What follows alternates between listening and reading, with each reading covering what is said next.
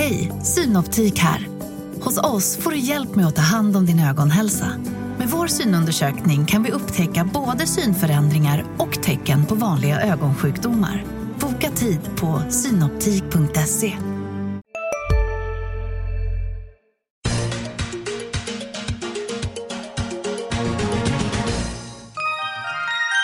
Erika Hallbäck, vad är Lendify? Lendify är en marknadsplats för lån mellan privatpersoner. Vi vill vara en allvarlig utmanare till storbankerna. Vi vänder oss endast till de mest kreditvärdiga låntagarna och vi har tillstånd från Finansinspektionen. Varför ska man låna ut pengar via er istället för att sätta in dem på banken? Hos oss får långivarna avkastningen och inte bara banken. Våra långivare har haft en genomsnittlig årsavkastning på cirka 7% Vi erbjuder ett alternativ till traditionellt ränte och aktiesparande. Vem står bakom Lendify? Några av landets främsta entreprenörer, bland annat Resursbank och Avito-grundarna och delar av Wallenberg och Lundin-familjerna. Tack Erika Hallbäck, investeraransvarig på Lendify. Varmt välkommen till Makrorådet, Dagens Industris podd om de stora ekonomiska frågorna. Jag heter Viktor Munkhammar. Med mig i studion idag har jag Anna Öster, chefsekonom på Länsförsäkringar och Olof Manner, analyschef på Swedbank. Välkomna ni också. Tackar, tackar. Tack. Härligt. Hörrni, det är som ett dignande smörgåsbord av saker att prata om idag om man gillar makrofrågor. Vi ska säga också eh, till dig som lyssnar att när vi står här så är det den 14 september september eh, på förmiddagen. Eh, och eh, här nu på morgonen så kom det ju in eh, inflationsförväntningar som Prospera möter på Riksbankens uppdrag. Och för första gången sedan 2012 så är de femåriga inflationsförväntningarna uppe på 2,0 procent. Grattis Riksbanken kan vi säga. Ja, verkligen. Ja. Mm, Anna, hur viktigt, ja, hur viktigt var det här? De har ju kämpat med att liksom få upp trovärdigheten för inflationsmålet länge nu. Ja, men det är klart att det här känns ju väldigt bra. Eh, däremot så kommer man ju direkt bli oroad för att man vill behålla det här också. Så det är inte så att vi kan ropa faran över riktigt än tror jag. Men jag tror ändå att det känns väldigt bra. Man kan fira någon minut eller så. Ja, det tycker jag. Ja, okay. mm. Olof? Ja, nej, det är bara att hålla med. Eh, Riksbanken eh, kan ju ta av sig eh, eh, fallskärmen lite nu faktiskt. Eh, den värsta turbulensen tycks vara över. Det är inte bara inflationsförväntningarna. Eh, kronkursen eh, ligger stabilt på en svagare nivå än vad de har i sina prognoser. Så att Eh, eh på kort och medellång sikt så har ju det mesta gått eh, Riksbankens väg den sista tiden. Mm. Ja, och just Riksbanken har också kommit med en eh, rykande färsk rapport där bara en halvtimme innan vi gick in i studion där de väger för och nackdelar med olika typer av eh, inflationsmått vad de ska sikta på, ifall de ska byta från KPI till något annat, ifall de ska ha ett målintervall eller ifall de ska ha ett toleransintervall och så vidare. Anna, du har ju kikat igenom den här lite snabbt får man säga. Mm. Vad, vad är dina slutsatser? Egentligen att det var ganska väntat att de är väldigt försiktiga. De ser det här som ett underlag för fortsatt diskussion och det, det var väl ganska väntat att det, det, kommer inte förändras i någon snabb takt det här och det ska det väl inte heller göra. Det här är viktiga frågor som behöver funderas på under lång tid och vridas och vändas åt olika håll. Så de listar helt enkelt för och nackdelar med KPI, med KPIF, med HIKP som målvariabel. Kort bara, vad är HIKP? Eh, ja, det är ju en mer internationell eh, mått på inflation kan man säga. Och så ganska likt KPIF men det finns skillnader och det är de som de då diskuteras. Och fördelen är ju då att det är mer internationellt jämförbart. Eh, det mäter inte prisutveckling på egna hem till exempel. Så det finns både positiva och negativa sidor. Och en nackdel är kanske fråga jag just ställde, nämligen att många inte är bekanta med det här måttet HIKP. Det är bra om allmänheten. så känns det ju som att de flesta skulle bli det om vi, om vi hade det skulle som målvariabel. Ja. Men, men absolut, det är en av nackdelarna. Så det, rapporten går igenom för och nackdelar med de här olika, olika måtten och också eh, för och nackdelar med ett målintervall, alltså där det skulle vara okej okay att inflationen var inom ett visst intervall oavsett vilken nivå inom det intervallet, men också ett toleransintervall som är mer eh, ja, mer bara ett pedagogiskt verktyg tycker jag man tolkar det som i Riksbankens rapport. Och som ju Riksbanken hade fram till 2010. Precis. Att det var det här Exakt. 2% plus och minus 1% Det man kan tolka tycker jag är att de, det kommer nog inte hamna i ett målintervall. Det tycker jag ändå. Och det är bara mina egna tolkningar utifrån det som står. Det är ingenting som skrivs rakt ut. Men det känns som att man är skeptisk gentemot det. Ja. Olof, vad läser du mellan raderna eller på raderna? Jag får ju hålla med Anna. Eh, en liten observation dock från min sida är väl att, att eh, det här är ju som Anna påpekade mycket riktigt ett diskussionsunderlag för framtiden och jag hade tyckt det kunde varit lite fräscht ändå om Riksbanken så att säga gick ett halvt steg längre och ändå indikerade vad de själva tyckte. Eh, nu slänger man ut fem tennisbollar och, och liksom ser var de eh, landar någonstans. Och det är ju ett sätt att göra det på. Eh, institutioner och andra förståsigpåare kommer ju liksom att ta tag i det här och debatten kommer att drivas. Eh, nu hade man ändå chansen att peka på vad man själv tyckte. Så att, eh, det tyckte jag var, eh, eh blev jag lite besviken med. Eh, sen är det ju så att mycket av det finns en hel del parametrar som ändå är knutet till KPI. Det är rätt tekniskt besvärligt det här. Eh, basbelopp och annat så att säga intimt förknippade med, eh, med KPI. Eh, värdering av realränteobligationer på marknaden också knutet till KPI. Så att vad man än bestämmer sig för så att säga så är det här en, en, rent tekniskt en, en, en process som kommer att ta lite tid. Ja. Mm. Om man ändå ska gissa i dagsläget, ja. vad kommer, säg om det då tar lite tid, om två år, vad kommer Riksbanken ha för mål och hur kommer eh, eventuell tolerans på olika sätt att uttryckas i relation ja, till det här målet? Jag tror att det blir HEKP och jag tror att det blir ett toleransintervall. Målet 2 tolerans plus minus en då. Ja, jag och så det. det här um, EU-måttet ja. HIKP. Ja, mm. Okay. Och jag satsar på den hästen också. Mm. Ja, bra, då återkommer vi om två år mm. eller något sånt när Riksbanken nu har tänkt färdigt. Det har kommit en hel del statistik eh, också idag och även igår. Vi fick en just KPI-siffra då igår och eh, även det här KPIF som rensar för effekter av ränteförändringar som visade att prisökningstakten var lite lägre än Riksbanken hade tänkt sig. Vi fick idag på morgonen en definitiv, eller i alla fall en andra uppskattning av BNP-utvecklingen i andra kvartalet som visade att det var lite bättre fart i den svenska ekonomin än vi trodde. Den första så kallade snabben som ju inte byggs på ett lika bra underlag visade på en väldigt svag utveckling i, i det andra kvartalet. Och vi fick också nu på morgonen eh, bostadsprisstatistik som visade att priserna fortsätter att stiga men fortsatt i en lugnare takt än tidigare. Eh, det var många saker. Olof, du är en begåvad människa. Om du ska liksom koka ihop det här och, och, och säga eh, någonting om det, vad tycker du sticker ut? Ja, alltså, det är väl snarare den samlade bilden som sticker ut så tillvida att den här ballongen som vi har haft där det har varit ett jädra tryck eh, i tillväxt, i eh, fastighetspriser och så vidare. Den börjar bli lite mjukare nu. Eh, inte helt oväntat. Så att trycket i ekonomin är, är, är fortsatt gott men det är inte liksom lika urstarkt som det var under förra året. Samtidigt så ser vi då att, att eh, inflationen kommer tillbaka lite. Eh, ökningstakten minskar på huspriser och så vidare. Så att det känns som en, en sakta återgång till det normala och det tror jag är ganska skönt faktiskt om jag ska vara ärlig. Ja. Anna, vad vill du plocka upp i statistikflödet här? Ja, eh, nej men egentligen ungefär samma bild. Du sa att andra kvartalet var väldigt svagt innan.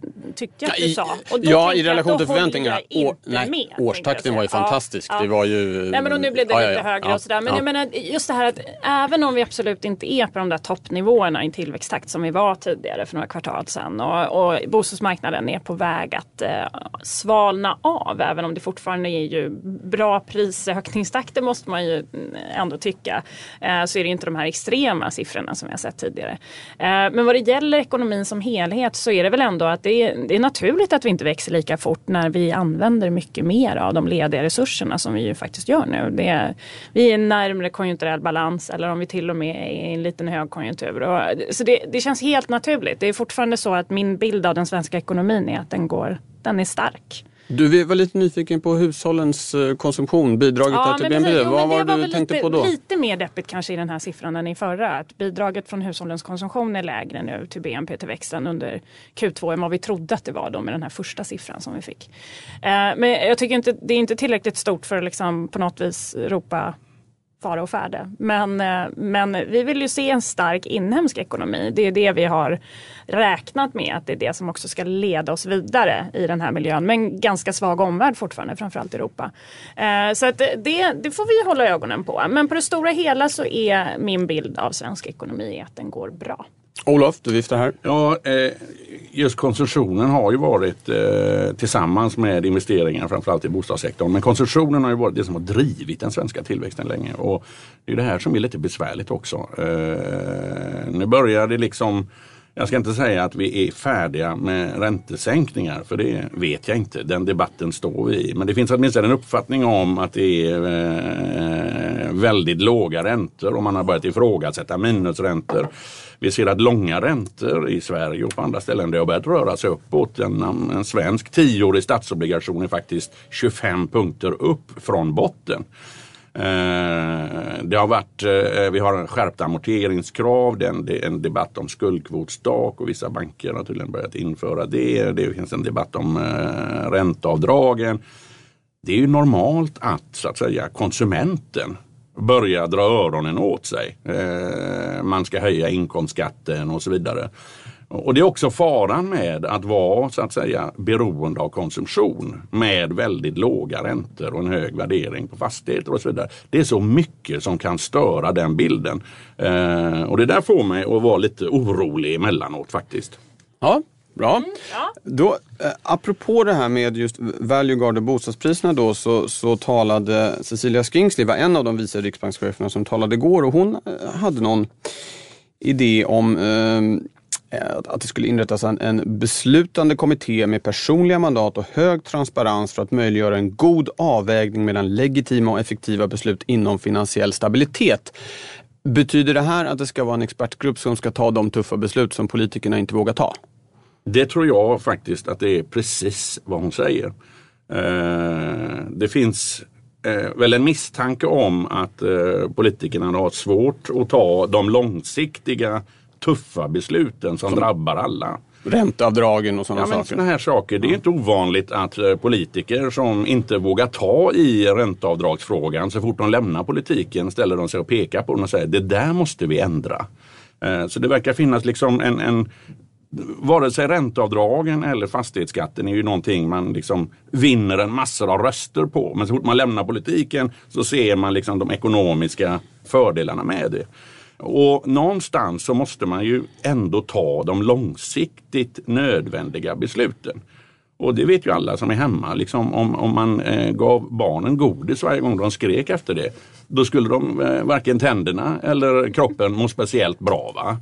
Eh, så därför säger man nej och det gnälls och det bråkas. Men politikerna har inte samma eh, de har inte samma pondus och eh, det finns också en, en, någon sorts Eh, politisk vilja att bli omvald som gör att vi i slutet på perioden, ja då glider man in i någon sorts uh, ge dem vad de vill ha mentalitet. Va? Ja. Men, Anna, det skulle vara realistiskt att politikerna skulle gå med på att avhända sig mer makt? Men vi är ju i ett läge där eh, liksom, teknokrater i bred bemärkelse möts med stor misstro. Mm. De här skulle, är det alltså troligt det att det här skulle ju, kunna komma på plats? Det här är ju ändå en svår fråga för man tänker ändå att jag, jag håller ju helt med Olof om hans analys och just just i det här läget också där det känns som att de här svåra besluten uppenbarligen inte tas. För vi har haft höga förväntningar på de här bostadssamtalen som havererade och det, det, går, det är rundgång även om det upplevs som att de flesta politiker faktiskt säger att de menar att läget är akut så händer ingenting.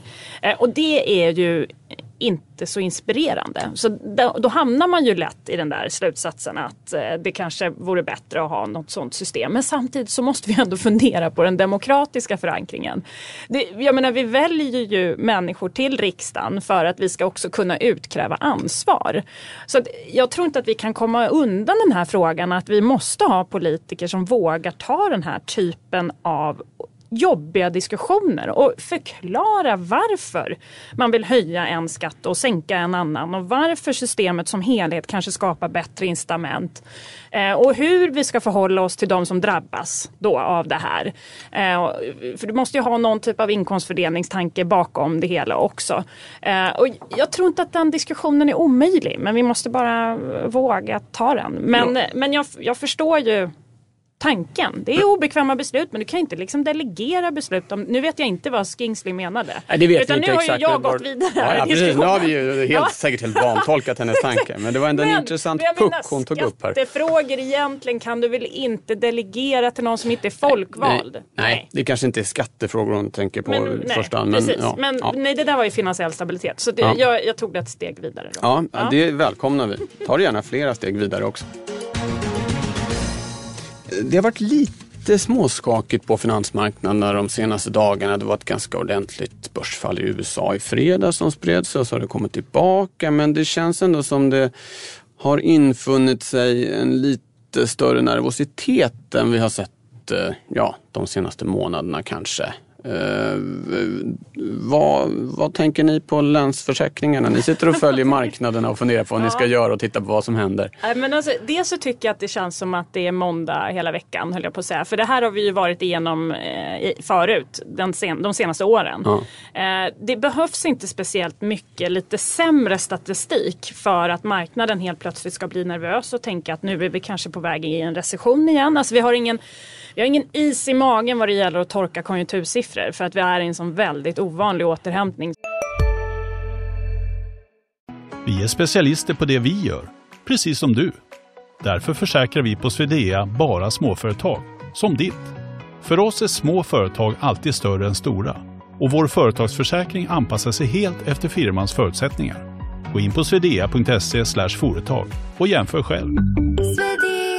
Där det finns ett samhälle, där finns det brott. Krimrummet är podden som tar brottsligheten på allvar. Jag bjuder in landets ledande experter och tar upp aktuella rättegångsfall för att begripliggöra den kriminalitet som kryper allt närmare. Du, alltså, du kan knäcka ett eller några gäng, men det kommer komma nya och så kan vi knäcka dem sen. Men att du ska knäcka allt forever, det kommer aldrig ske. Det är infinite gain. Lyssna på Krimrummet, en podd från Expressen med mig Kim Malmgren som har pågått under så lång tid. Vi har ingen, inget riktigt förtroende för det här helt enkelt. Så därför så tror jag att det behövs ISM, eh, eh USA, inköpschefsindex, kommer in sämre än väntat. Eh, en månad. Och jag menar, är det att vi är på väg ner där så är det oroväckande men vi får ju vänta och se lite. Eller om det bara var en enskild månad. Men den isen i magen upplever jag inte riktigt att vi har på marknaden utan vi, vi tolkar in det som att det är väldigt negativt direkt. Och sen har vi ju centralbankerna som ju liksom på något vis är de som hela tiden ser till att marknaden ändå hålls uppe. Och då är ju deras signaler oerhört viktiga. Och då har vi haft en mängd olika tal från Fed där man först tolkade det som att ja, men Janet Yellen i Jackson Hole hon sa ju det att hon tyckte att the case for eh, rate hike har stärkts då på senare tid. Och så var det flera andra ledamöter som var inne på den linjen och då blir man nervös för att då ska de höja nu när ISM föll på det här viset. Eh, även om i grund och botten så tycker jag absolut att man ska höja räntan, alltså att ekonomin är tillräckligt stark. Men, men det sker stora omprisningar på marknaden och det här skapar oro. Vi, vi känner oss inte bekväma uppenbarligen fortfarande med en räntehöjning. Så det händer mycket. Eh, och sen hade vi någon Fed-ledamot då här i början på veckan som var ute och gav lite mer eh, lugn igen, Brainard, när hon sa att eh, det ja, gav ändå lite sådär inspiration till att vi avvaktar och ser. Hon var ju sist ut inför, innan den tysta Exakt, perioden och då var ju hon eh, mötet nästa mjukare då. Ja. eh, ändå. Ja, Eh, ja. Så att då blev det lite lugnare igen. Och så har vi ECB, men det, där kan ju Olof Ja, vad, vad tänker du kring den här liksom, ändå nervösare stämningen Olof? Nej, men, eh, I min värld så var ju eh, game changern det var ju att eh, det fanns en förväntan eller en förhoppning kanske snarare från finansmarknaden om att ECB Eh, skulle utöka sitt eh, QE-program, det vill säga fortsätta eh, och förlänga de, den här stimulansen där de köper värdepapper med mera. Nu sa man ju inte det. Man sa faktiskt ingenting. Och, och, eh, det gav direkt utslag på såväl börser som räntor. Och, och för mig är det en kvittens på att eh, avsnitt av de finansiella marknaderna behöver de här pengarna från centralbankerna för att motivera sitt värde. Eh, det är ju lite som en, en, en, en narkoman som inte får knark. Den börjar liksom må dåligt och skruva på sig och, och känner allmänt obehag. Och det tyckte jag man såg i marknaden och jag tror fortfarande att det var den stora anledningen till att såväl börserna föll som att räntorna började kliva upp. Eh, och det finns idag en, en, en, en, ganska tung debatt om huruvida verkningsgraden av QE faktiskt eh, trycker på ordentligt. Ja. Eh, och sen har det då naturligtvis spätts på av eh, den här pendeln om USA ska höja eller inte och där sannolikheten har gått från 20 till 30 och tillbaka till 20 och nu ligger vi någonstans på eh, 25 procent för en septemberhöjning. Och det här får naturligtvis också marknaden att reagera. Ja. Ska, ljudet ni hör är precis det ni tror, det är en telefon som ringer. Men vi pratar vidare ändå, vi kan inte låta sånt störa. Eh, Olof, jag håller dig kvar här. Nu har du fått fatt i den också. Eh, för visst är det så att ni i Swedbank, ni lutar åt att, att ECB är klara. De flesta tolkar ändå det här äh, icke-beskedet i förra veckan från ECB så att ah, men det kommer senare under hösten. Men ni tror att nu kanske inte blir så mycket mer från Nej, vi, ECB? Eller? Där vi är idag på Swedbank så eh, tror ju vi att eh, någon gång innan jul så kommer eh, ECB och eh, eh, meddela att de påbörja någon sorts tapering nästa år. Då. En nedtrappning, nedtrappning av, av de här QE-grejerna. Ja. Och att vi då skulle kanske vara färdiga någon gång i slutet på nästa år. Där står vi idag. Anna, var står ni?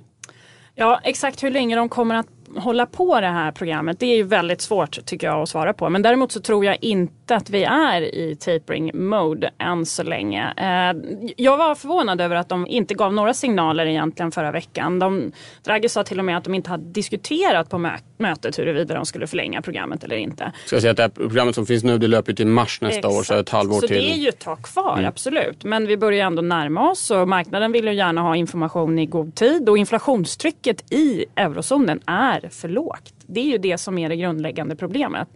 Eh, och jag tycker inte man kan se någon lättnad där egentligen. I USA är det ett helt annat läge, i Sverige är det ett helt annat läge, men inte i Europa. Eh, och, det här, och för att liksom lösa det här så måste vi, om ECB inte ska fortsätta eh, så måste ju vi se mer från finanspolitiken. Och jag känner ändå att jag har inte jätteförhoppningar därifrån med tanke på vilka politiska låsningar som finns i olika länder och hur samarbetet ser ut.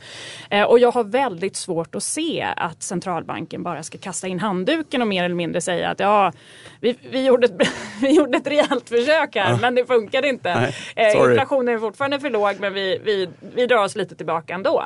Eh, ja, även om om det kanske är så att effekten inte är den man önskar så tror inte jag att vi är där. Uh, att, att de kommer att göra så. Så att jag mm. tror att de kommer fortsätta. Men Olof, det Anna beskriver här, det är ju liksom konsensussynen på något sätt. Att det ändå kommer mer från ECB. Så är det. Ja. Uh, men som Ulf Lundell påstods ha sagt, en inställd spelning är också en spelning. Eh, och jag tror att det här eh, icke-kommentaren, eh, det är nog så att eh, både Draghi och de andra i ECB, de visste nog om att marknaden hade förväntat sig någonting. Ändå väljer man att inte ge dem någonting. Mm. Eh, en inställd spelning är också en spelning. Det tror jag skulle kunna vara ett meddelande till marknaden i sig. Ta inte dessa pengarna för givet. Spännande. Mm. Ja, det är spännande. Ja, mm. För om ni har rätt där, då kommer det nog skaka mer, mm. har jag en känsla av. Hörrni, hörni, nu går jag över till spaningen. Ni har tänkt ut någonting som man bör hålla ögonen på. Vem ska börja? Vem vill börja? Vem är sugnast? Anna, är det du? Jag hade sista ordet. Så ja, kör igång Anna, ta din spaning. Jag Vad har du med dig hit idag? Ja. ja bra. Eh, nej, jag, min spaning är lite sådär mer hypotetisk då. För att jag eh, har ju ändå vin att jag tror att eh, Riksbanken inte kommer att göra mer. Jag tror inte de kommer sänka räntan och jag tror inte att de kommer förlänga sitt stödköpsprogram. Där tror jag också att jag och Olof faktiskt har olika eh, prognoser. Men det är ju ändå så att risken är ju inte Alltså det är inte helt osannolikt att vi hamnar i en situation där de ändå känner att de behöver göra mer. Även om det då inte är min prognos. Men sannolikheten för det är fortfarande ganska hög. Och då är frågan om vad gör de? Eh, vi ser ändå tydligare och tydligare signaler. Det här har vi pratat om tidigare. Att de eh, köper en ganska stor del av stocken av de nominella statsobligationerna som finns i Sverige. Eh, nu försöker de ju skicka signaler om att de kan köpa mycket mer. Det är klart att de gör det för de vill inte att vi ska börja eh, tänka att de inte kan göra det. Eh, men det är ändå så att vi börjar närma oss gränsen för hur mycket mer de kan köpa av just den typen av värdepapper. Och då måste vi fundera på vad kan de göra annars? Vi såg att kommun Eh, Invest var det som var ute häromdagen va? som sa att håll dig borta från våran marknad med kommunobligationer. Nu är inte den jättestor så det kanske inte hade eh, underlättat markant för Riksbanken ändå om de vill ha ett stort program. Men då är det bostadsobligationer. Eh, jag tror inte att de går dit. Jag tror helt enkelt inte att de med äran i behåll kan börja köpa bostadsobligationer och stimulera den marknaden när de har varit så hårt på frågan kring den överhettade bostadsmarknaden och hushållens skuldsättning då som hänger ihop med det där. Och då tänker jag att de kanske är närmare valutainterventioner än vad de egentligen skulle önska att de var. För det, det var det, det pratade de ju mycket om för något år sedan. Sen ja. har det tonats ner lite. Nu är ju liksom, kronan är ju, är ju svag i ett ja, relativt perspektiv. Ett riksbanksperspektiv också. Ja, ja absolut. Men jag menar mer just det här, vad ska de göra om de känner, om de upplever att ECB då går vidare? För det är det som kommer vara triggern om de ja. pressas. Om ECB fortsätter med sitt program och eh, utökar det. Eh, om, om det händer grejer med kronan då så kan de tvingas att gå in där även fast de kanske helst inte skulle vilja för det är känsligt det här med valutainterventioner ja. också. Men jag tänker att det finns inte så mycket kvar för dem att göra eh, om de vill gå vidare. -huh. eh, så det tycker jag är, eh, är lite intressant och då tänker man också hur ska man kunna liksom göra det här då och ändå komma ur det i no med någon slags ära i behåll, jag på att säga, bara för att det är så det anses inte vara så positivt att man går in och intervenerar. Man skapar ju inflation på andras bekostnad och med tanke på att vi har mindre problem med vår inflation än eurozonen till exempel. Så skulle man kunna fundera på om de skulle kunna vara lite uppfinningsrika då och bara köpa obligationer i länder som faktiskt har inflation. Så att vi inte tar av de som inte har. Utan Jaha, bara... så ta från de rika? Ja, men exakt. En Robin Hood-variant av valutainterventioner? Nu menar jag, jag tror att det här är väldigt osannolikt. Men jag tycker ja. ändå att det är lite roligt att vi befinner oss i en situation situation där man börjar fundera på sådana här saker. Mm. Alltså, precis som när vi pratar om vad finanspolitiken, helikopterpengar, vad kan, vad kan vi göra mer för att stimulera ekonomin när vi har negativa räntor och så vidare. Det här säger en hel del om var vi befinner oss. Att vi befinner oss i en väldigt unik situation. Mm. Uh, och jag tycker ändå att det är lite intressant att fundera på om de står närmare valutainterventioner än vad de egentligen skulle vilja mm, göra. Så lite brasilianska real då skulle exempelvis stå på shoppinglistan. Och ja, sen kanske... finns det andra problem med det här uh, uh. med tanke på att man kanske inte vill eh, gå in i för tungt i enskilda länder och så vidare. Jag tror som sagt sannolikheten på den här är väldigt låg.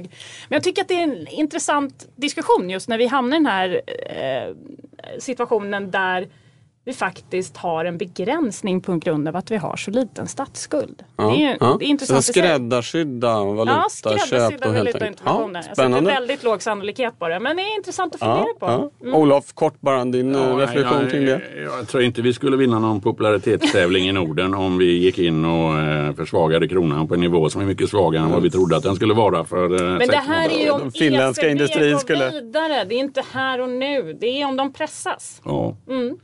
Men som sagt, eh, min personliga åsikt är ju att om de ska fortsätta med QE så eh, och det har jag trott hela tiden, eh, just för att kommunobligationsstocken är lite liten och så vidare. Att eh, man lär hamna i, eh, i eh, bostads eller säkerställda obligationer. Och Ingves har ju eh, vid ett flertal tillfällen itererat att hans uppdrag är inflationen och makrotillsynen ligger någon annanstans. Och då, även om han eh, mår genuint dåligt av att dra ner eh, bostadsräntorna så har han ju som sagt eh, markerat att det är inte mitt uppdrag längre.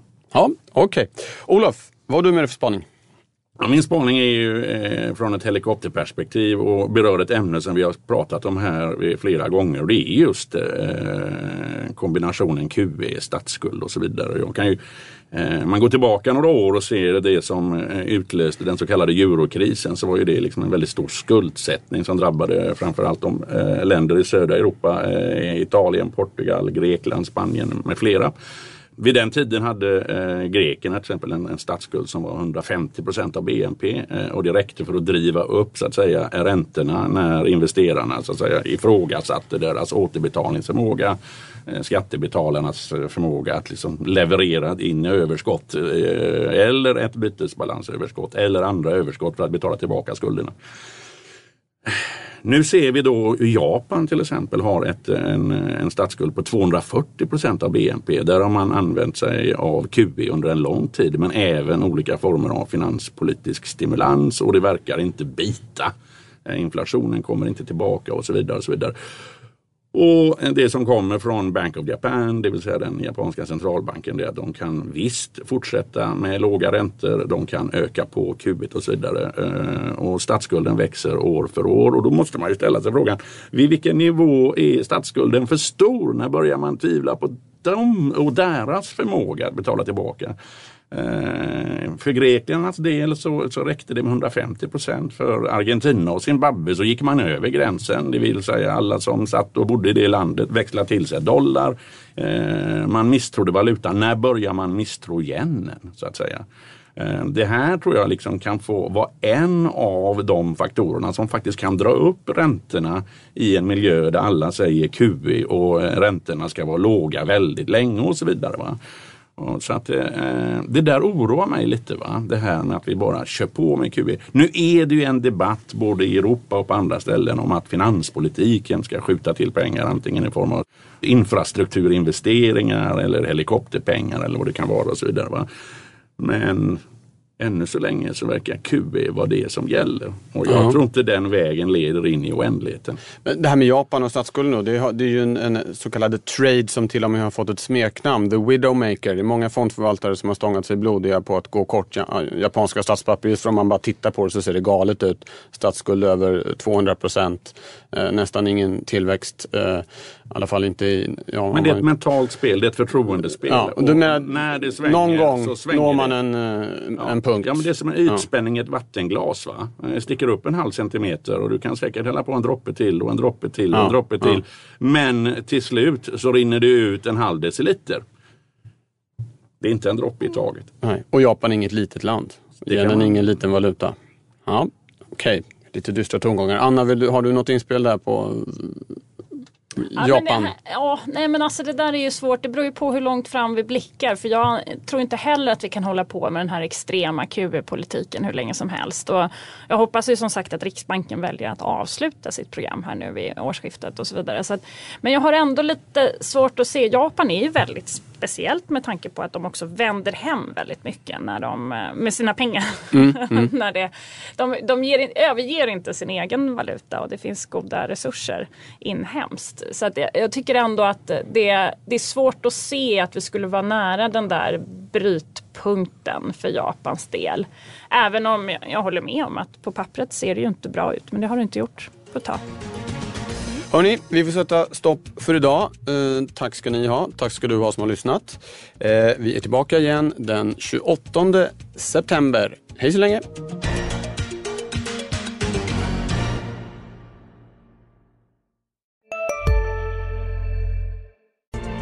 Kurrar i magen och du behöver få i dig något snabbt? Då har vi en Donken deal för dig. En chicken burger med McFeast-sås och krispig sallad för bara 15 spänn. Varmt välkommen till McDonalds. Hej, Susanne Axel här. När du gör som jag och listar dig på en av Krys vårdcentraler får du en fast läkarkontakt som kan din sjukdomshistoria. Du får träffa erfarna specialister, tillgång till lättakuten och så kan du chatta med vårdpersonalen. Så gör ditt viktigaste val idag, lista dig hos Kry.